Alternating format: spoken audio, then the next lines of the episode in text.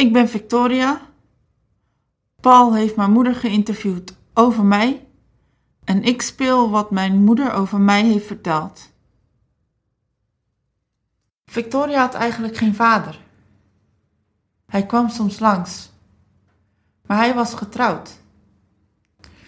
Het was in Colombia, vertelt mijn moeder. Daar zijn de mannen macho's. Ze hebben vaak twee of drie vrouwen. Ik woonde nog bij mijn ouders en ik werd zwanger. Een week na de geboorte van Victoria overleed mijn moeder. Nog een week later overleed ook mijn vader. Ineens woonde ik alleen en had ik een kind.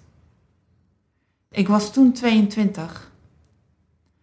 Inmiddels woon ik 24 jaar in Nederland en heb een tweede kind gekregen van een Nederlandse vader. Victoria is 27. Haar broer is 21. Victoria betekent overwinning en zo voelt het nu ook. We hebben heel veel overwonnen. De bevalling was zwaar, vertelt mijn moeder. In Colombia is de zorg heel slecht. Ik had ook nog diabetes, maar ik kreeg geen insuline. Tijdens de weeën was ik alleen. Het duurde 14 uur. Toen ze geboren werd, zag ik een paarse grijs kind. Heel groot. Ik weet niet meer wat ik dacht. Ik was te uitgeput. De eerste week hielp mijn moeder met het kind. Ik rustte uit.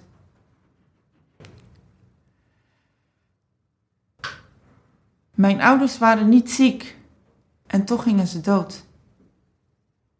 Mijn moeder kreeg een beroerte en bij vader was het zijn hart.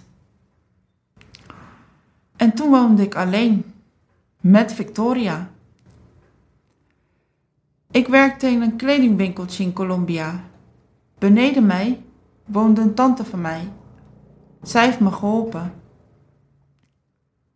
Victoria was een soort poppetje. Ze was heel passief en traag met alles. Ze sprak niet en begreep niet wat ik zei. Normaal gesproken probeert een kind te lopen. Zij niet. Ze was een hele grote baby en groeide als een gek.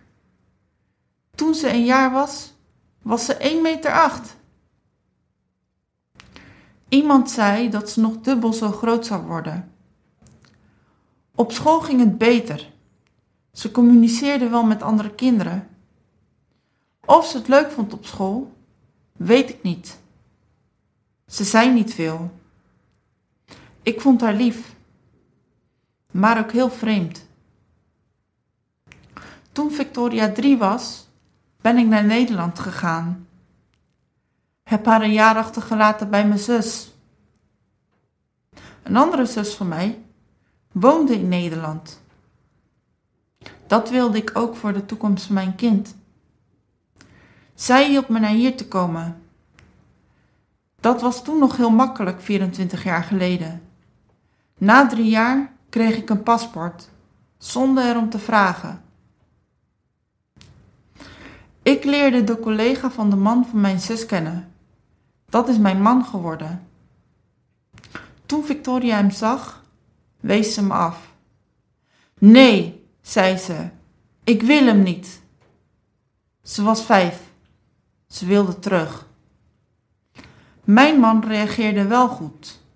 Niet super warm, maar ook niet slecht.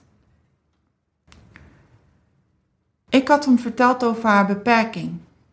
We waren naar Colombia gegaan om haar te halen, maar de biologische vader hield dat tegen. En we gingen weer terug zonder haar. Ik moest alles regelen via de rechter. Victoria heeft nog steeds de naam van haar biologische vader. In Nederland ging mijn man altijd mee als we artsen bezochten. Ik sprak nog geen Nederlands. Hij was toen vrachtwagenchauffeur en reed met de vrachtwagen naar het ziekenhuis. Nog steeds is de diagnose onzeker. Mogelijk heeft Victoria het syndroom van Sotos. Er wordt nog onderzoek gedaan, nu ook met het bloed van de vader.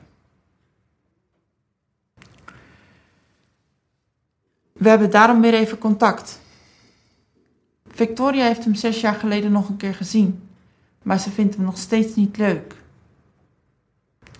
Twee jaar geleden kreeg Victoria een psychose. Ik wist niet wat het was. Het was heel naar. Maar het heeft ook veel goeds gebracht. Voor die tijd vond ik het zwaar, een kind met een beperking. Ze was heel langzaam, had een slechte motoriek. Ik moest alles regelen, haar alles vertellen. Door die psychose is er iets veranderd. Het is alsof ze volwassen is geworden. Ik zie haar anders, waardeer haar meer. Daarvoor was ze een kind met een beperking. Nu is ze een vrouw. We waren op vakantie en ik merkte dat ze raar begon te praten. Het ging over dingen die er niet waren. Toen we terug waren, zijn we meteen naar de dokter gegaan. De dokter stuurde haar naar de psycholoog en die zei: een lichte depressie. Maar het werd erger en erger. Zij hoorde stemmen en wij wisten niet wat het was. Ik werd boos op haar. En toen werd het nog erger. Het was heel zielig. We gingen weer terug naar de huisarts, daarna naar de psychiater. Ze kreeg medicijnen zonder effect. Het was niet meer vol te houden.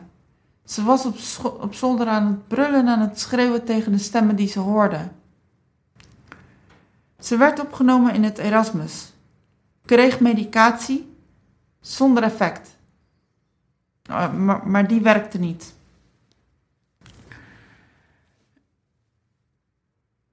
Ik dacht, mijn kind gaat niet beter worden. Ik huilend naar mijn man wat als Victoria niet beter wordt? Maar ik vond geen gehoor bij hem.